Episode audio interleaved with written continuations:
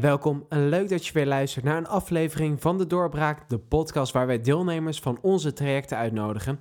Zij komen vertellen over hun uitdagingen, verkregen inzichten en zij delen tips over hoe dit te bereiken. Mijn naam is Leanne van Bijnen en vandaag de gast Revaya. En hij heeft deelgenomen aan een van onze leiderschapsprogramma's.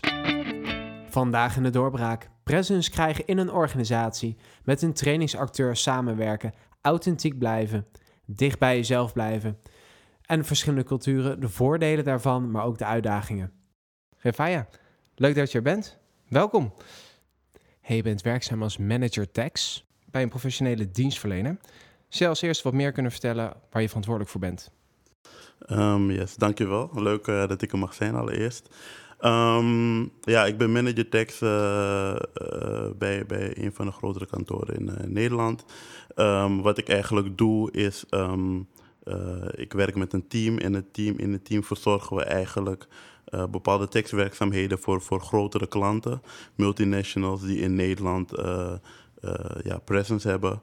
Um, en het team bestaat uit een mannetje of ja, 30 ongeveer. Um, vooral jonge mensen, young professionals die ja, graag bezig zijn met cijfers van de klant. Je hebt meegedaan met een leiderschapsprogramma bij ons. Um, zou je willen vertellen waar het programma wat jou betreft over ging?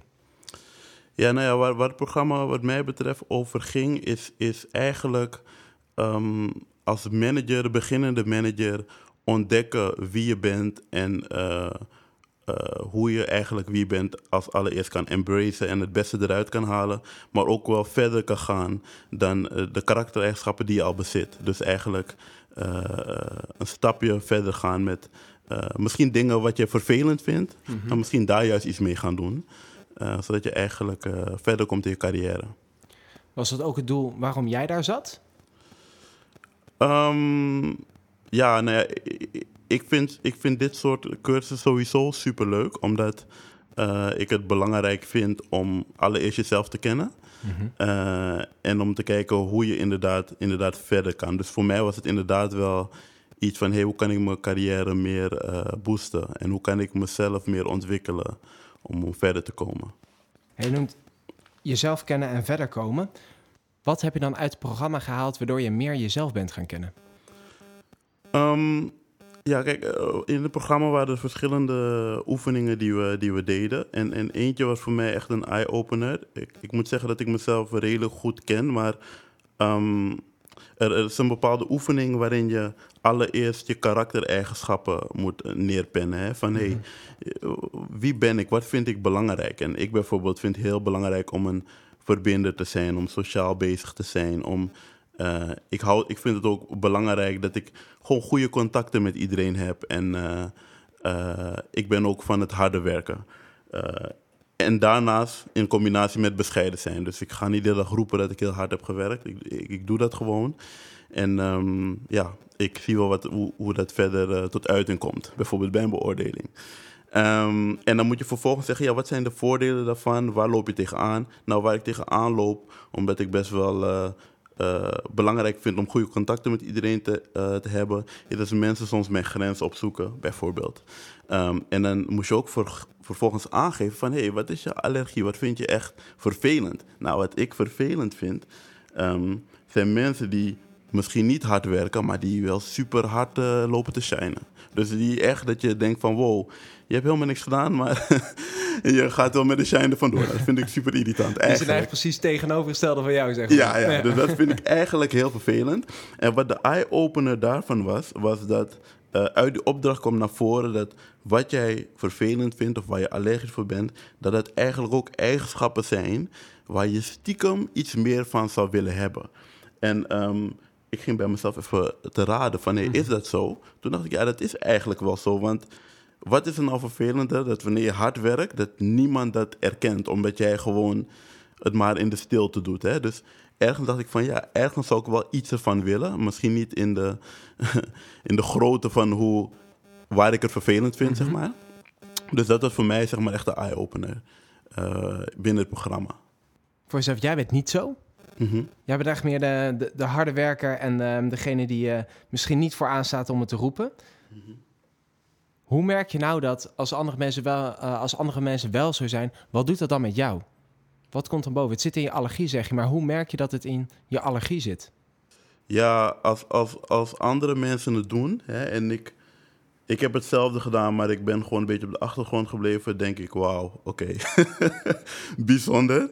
Uh, ik, ik moet zeggen, ik vind het ook dan best wel irritant. Maar wat het met mij heeft gedaan, zeg maar, ja, deze openbaring, als ik het zo mag noemen. Deze doorbraak. Ja, toch de doorbraak. en de, de, prachtige woorden van de doorbraak te spreken. Ja, wat het met mij heeft gedaan, is dat het er eigenlijk voor heeft gezorgd dat ik wel binnen mij, ik vind het belangrijk om authentiek te zijn, dus wel uh, bij mezelf blijven, maar wel proberen om af en toe wel mijn stem te laten horen. En te laten, te laten horen van, hé, hey, uh, dit en dit hebben we bij de klant gedaan. Uh, en ik denk dat, uh, dat het goed is om bij jezelf te blijven. En ook, ik vind het ook goed dat ik redelijk bescheiden ben. Maar het, het moet niet ten koste gaan van, van, ja, van je carrière of van ja, je toekomst, zeg maar. Wanneer is bij jou het kwartje gevallen dat je er echt wat mee wilde gaan doen? Um, nou, eigenlijk, kijk, ik weet, ik weet eigenlijk mijn leven lang al dat, dat, dat ik dat meer zou willen. Maar ik weet ook mijn leven lang al dat ik het super irritant vind. Dus dat ik er heel allergisch voor ben. Maar wat het, het kwartje deed vallen was wel dat tijdens de cursus ook gezegd werd van... hey, wees je er wel bewust van dat wat in je allergie zit... dat dat eigenlijk iets is wat je eigenlijk wel wil. En um, um, we hebben met een acteur geoefend, met een actrice moet ik zeggen. En uh, het mooie daarvan was dat ik het moeilijk vond om um, dit te laten zien. Hè. Eigenlijk ging het ook om stelligheid, uh, om het te laten zien. Ik vond het moeilijk om het te laten zien. Um, maar die actrice liet het wel een beetje naar, naar buiten komen. Dat, het, ja, dat je toch wel jezelf kan zijn, maar toch je punt kan maken. Of mm -hmm. toch wel niet bescheiden hoeft te zijn. En ik vond dat heel belangrijk. Mm -hmm. En doordat ik kon laten zien dat ik met mezelf zijn toch wel hetgeen waar ik toch een beetje jaloers op was, uh, kon laten zien, ja, dat, dat, dat deed wel het kwartje vallen, zeg maar. Okay, en wat, wat gebeurde er uh, precies in dat gesprek met die actrice? Ja, bij die actrice moest ik eigenlijk oefenen van. Um, um, uh, dus eigenlijk ging het om, ik ben bescheiden, maar ik wil eigenlijk wat meer dingen minder sugarcoaten en wat meer direct zijn. Hè? En bij de, bij de actrice hebben we dat geoefend. En uh, ik ben altijd heel erg bezig met hoe kom ik over. En uh, ik dacht altijd van ja, misschien kom ik niet zo netjes over. Hè? Want was weer bij mijn karaktereigenschap. Ik wil gewoon goede contacten hebben. Dus ik, heel vind het heel belangrijk dat dat gewoon, dat is nummer één. Contact moet goed zijn. Ik wil niet dat ik na de meeting zoiets, dat iemand zoiets heeft van, sorry, fire, is irritant gast. Dat wil ik gewoon niet. vind ik niet chill. Dus bij de actrice komt naar, naar voren van, hey, na paar keer oefenen zei ik van, ja, ik denk, ik, uh, misschien, dat waren de woorden die ik gebruikte. En de actrice zei van, nee, je moet wat stelliger zijn. En de keer dat ik heel stellig was, korter van stof, uh, toen zei ze van ja, dit is het. En ik had zoiets van ja, maar kom ik niet onaardig over? En zij gaf ook aan van nee, je blijft heel dicht bij jezelf. En omdat je niet altijd uh, zo'n streber bent, luisteren mensen dus sneller naar wat je zegt. Wat gaaf, je hebt direct het effect ervan zeg maar ja. zelf ervaren. Ja. Dan heeft het programma en de actrice heeft je dan gebracht dat je niet aan het sugarcoaten bent, maar wel gewoon direct kan zijn en nog steeds gewoon aardig kan zijn en die rivaya kan zijn die je bent en dicht bij jezelf kan staan. Ja, ja. En als je het hebt te vragen, wat, wat is dan nu de impact op je werk? Ja, ik denk dat dat een stukje is van uh, gewoon durven doen, zeg maar. Omdat uh, je hebt gewoon je karakter en je, je, je comfortzone waar je in zit. En waar je iets bij hebt van, hé, hey, dit heeft voor mij altijd gewerkt. Hè, dit, dit werkte voor mij. Mensen die uh, zeiden van, Edify, je bent aardig, superleuk. we doen graag dingen voor je. maar er zorgde ook ervoor van, dat bepaalde mensen iets hadden van, hey, Rifai is degene bij wie we de grens kunnen opzoeken. Want hij is toch, vindt het toch belangrijk dat we altijd vrienden zijn, weet je wel? Mm -hmm. um, en wat het eigenlijk heeft gemaakt, is dat ik met bepaalde, het zijn verschillende karakters, maar met bepaalde karakters van mensen, dat ik wat directer ben. En dat ik uh, uh, eigenlijk zo'n beetje een spiegel voorhoud en zo, maar wel dicht bij mezelf blijf. Waardoor ik ook geen, ja, de band niet verstoord wordt. Ik zeg gewoon, ja, dit wil ik graag of dit wil ik, dit wil ik niet. En dan zeg ik wat op een directere manier dan, dan eerder. En welk effect merk je dan met het contact met hun? Als je dan directer bent, sta je dan meer op je strepen? Wat er gebeurt is, uh, dat, is dat vind ik trouwens heel erg, heel erg uh, mooi dat dat gebeurt. Een van de belangrijkste dingen die er gebeuren is, het kost je veel minder tijd. Je bent gewoon veel duidelijker. Um, en als je niet duidelijk bent, dan komt die vraag gewoon nog een paar keer terug. Van ja, maar ik heb toch maar dit gedaan. En vind je dat oké? Of weet je wel, nu is het gewoon van nee, we gaan dit doen. En het is bij iedereen duidelijk en iedereen vindt het eigenlijk ook meestal wel oké. Wat fijn dat je achteraf hebt gemerkt dan de veranderingen die je hebt gedaan, wat je anders bent gaan doen, dat het eigenlijk voor beide um, een positief effect geeft. Ja. Voor jou en het bespaart tijd. En voor de ander, die weet ook beter waar die staat. En dat bespaart ook tijd voor diegene. Ja, ja. ja ik denk ook als je, als je begint met een vaag plan of met een... Uh, ja, je bent niet duidelijk. En dat had ik denk ik heel sterk. Um, en het is nog steeds iets waar ik tegenaan loop soms. Maar je bent niet duidelijk, dan uh, de uitkomst van het plan, als het, als het misgaat, dan ligt het sowieso niet helemaal aan degene die het uitvoert, maar nee. voor een groot deel ook aan jou. Hoe ben je dan nu het. het je hebt dan je eerste, eerste stap gezet. Wat is dan nu je volgende uitdaging? Om dit uit te vouwen en nog beter eigen te maken. Want het lijkt me ook lastig dat je. Um, nu het hebt geleerd om het altijd weer te blijven tonen. Ooit ga je weer momenten krijgen dat je wordt, weer wordt teruggetrokken of naartoe getrokken naar, naar het oude gedrag, zeg maar. Dat is een hele goede vraag. Ja, nou ja, ik, ik, ben, ik ben wel op een bepaald punt beland dat ik na bepaalde. Uh, ik, één, ik ben me er sowieso bewuster van. Maar ik ben ook wel op het punt beland om, om mezelf te evalueren na bepaalde meetings of zo. Of, of bepaalde gesprekken waar dit altijd speelde. Dus um, um, hoe ga ik dit volhouden? Nou, ik denk het belangrijkste is, ik zie de resultaten ervan. Ik zie dat het me gewoon veel tijd scheelt. Maar het scheelt me ook vooral veel energie.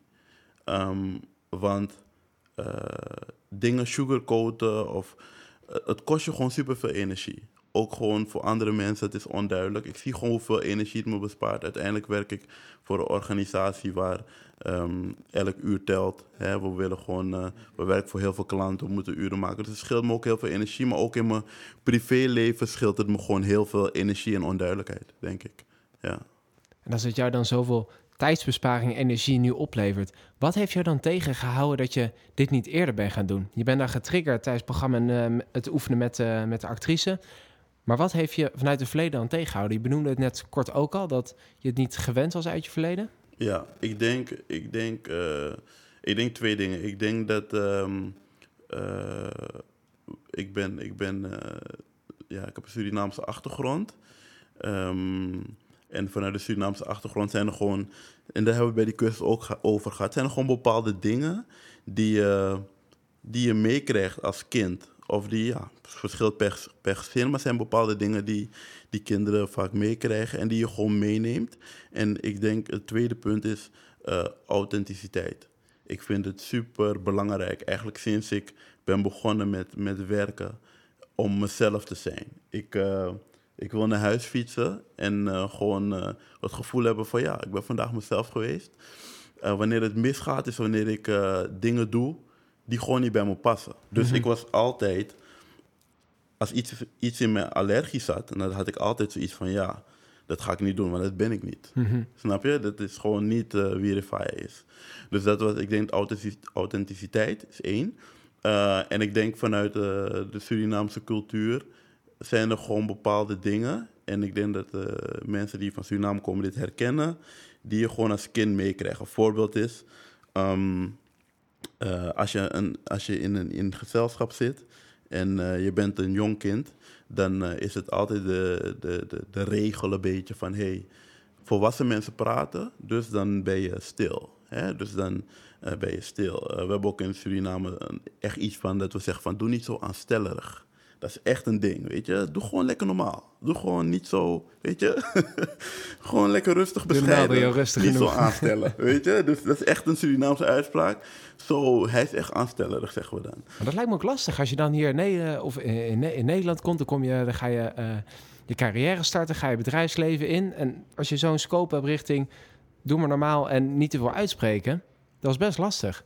Ja, ik denk dat dat, ik denk dat, dat een van de grote issues is waar uh, professionals tegen aanlopen met, ik denk, een niet-westerse achtergrond, uh, denk ik in, in het algemeen.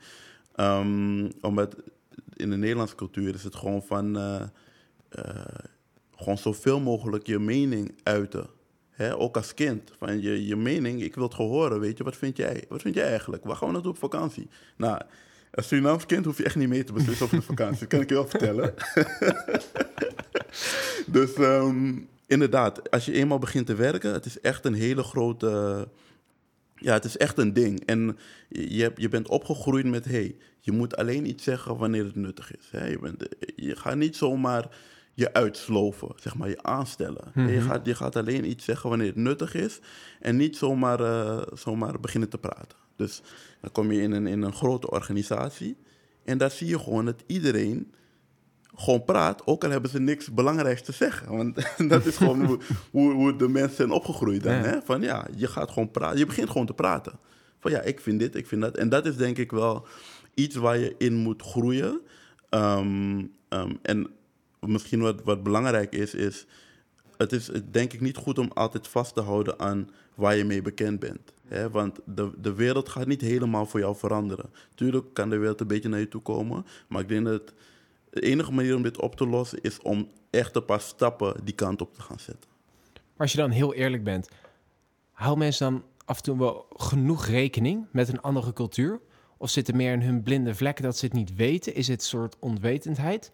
Ja. Dat is ook wel lastig als andere mensen zo anders doen of zo zich uitspreken, ook al hebben ze wat minder te zeggen. En dat staat haaks of tegenover hoe jij het ziet. Mhm. ja, dat, is... dat, is... lastig met een organisatie binnenkomen en daar goed kunnen uh, functioneren.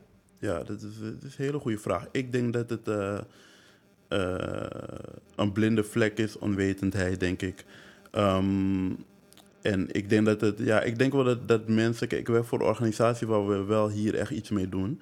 Dus dat is wel mooi. We houden er wel rekening mee. Maar ik denk dat er altijd een, een, een blinde vlek is. Want wat je kan krijgen is dat um, iets wat voor een bepaalde cultuur als normaal wordt gezien, voor de andere cultuur als uh, tegendraad wordt gezien. Bijvoorbeeld als, um, als um, vanuit de Surinaamse cultuur is er best wel een, een hiërarchie iets. Hè? Dus mm sowieso oudere families spreken aan met u, uh, maar ook binnen bedrijf is hey, dat is de baas.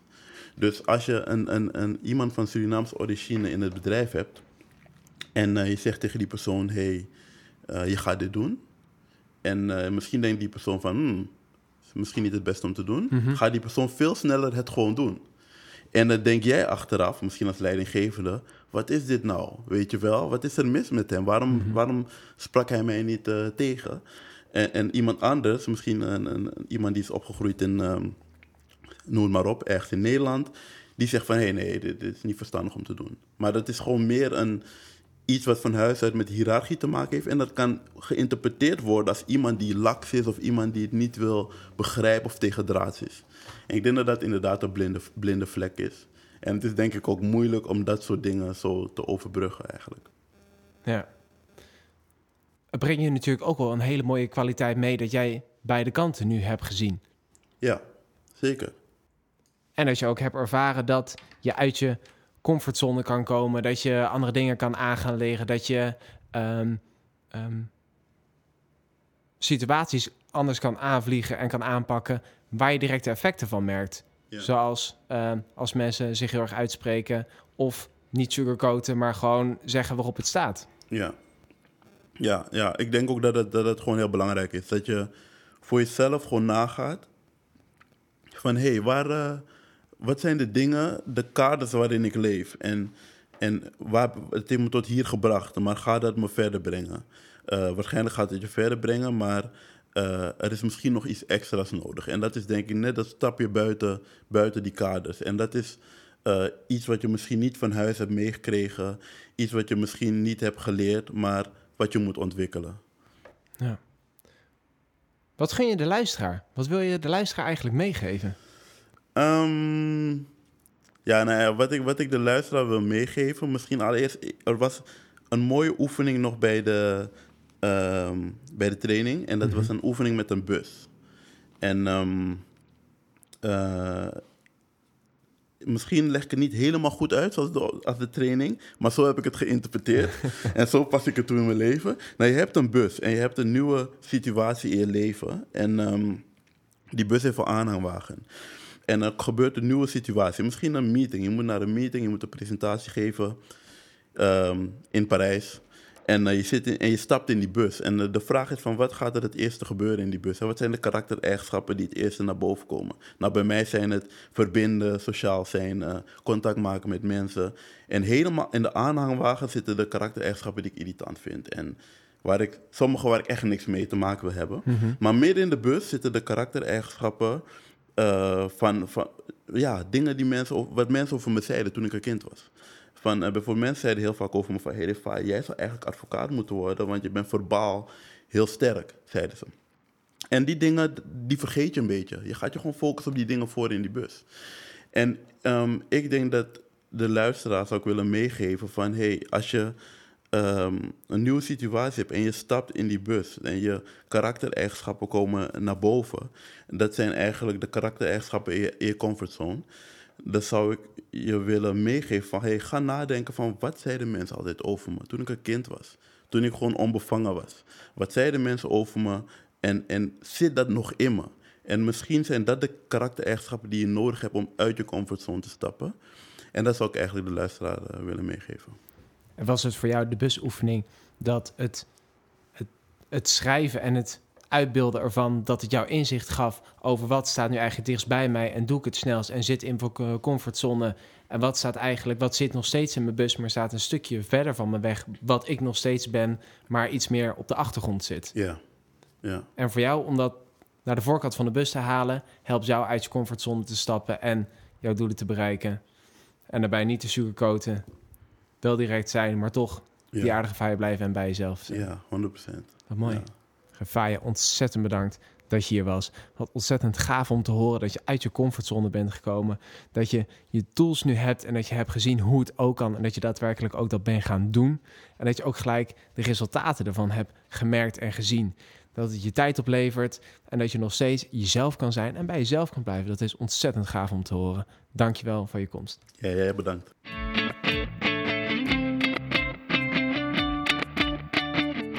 Bedankt dat je hebt geluisterd naar deze aflevering uit de podcastserie De Doorbraak. Vandaag hadden wij Refaya te gast. Ben je geïnspireerd geraakt en wil je andere afleveringen beluisteren? Die vind je op ons kanaal. Bijvoorbeeld over onboarding, een paardencoach, virtual practice lab en leiderschap. Wil je meer informatie over onze programma's? Vergeet dan vooral niet te kijken op www.incontext.nl.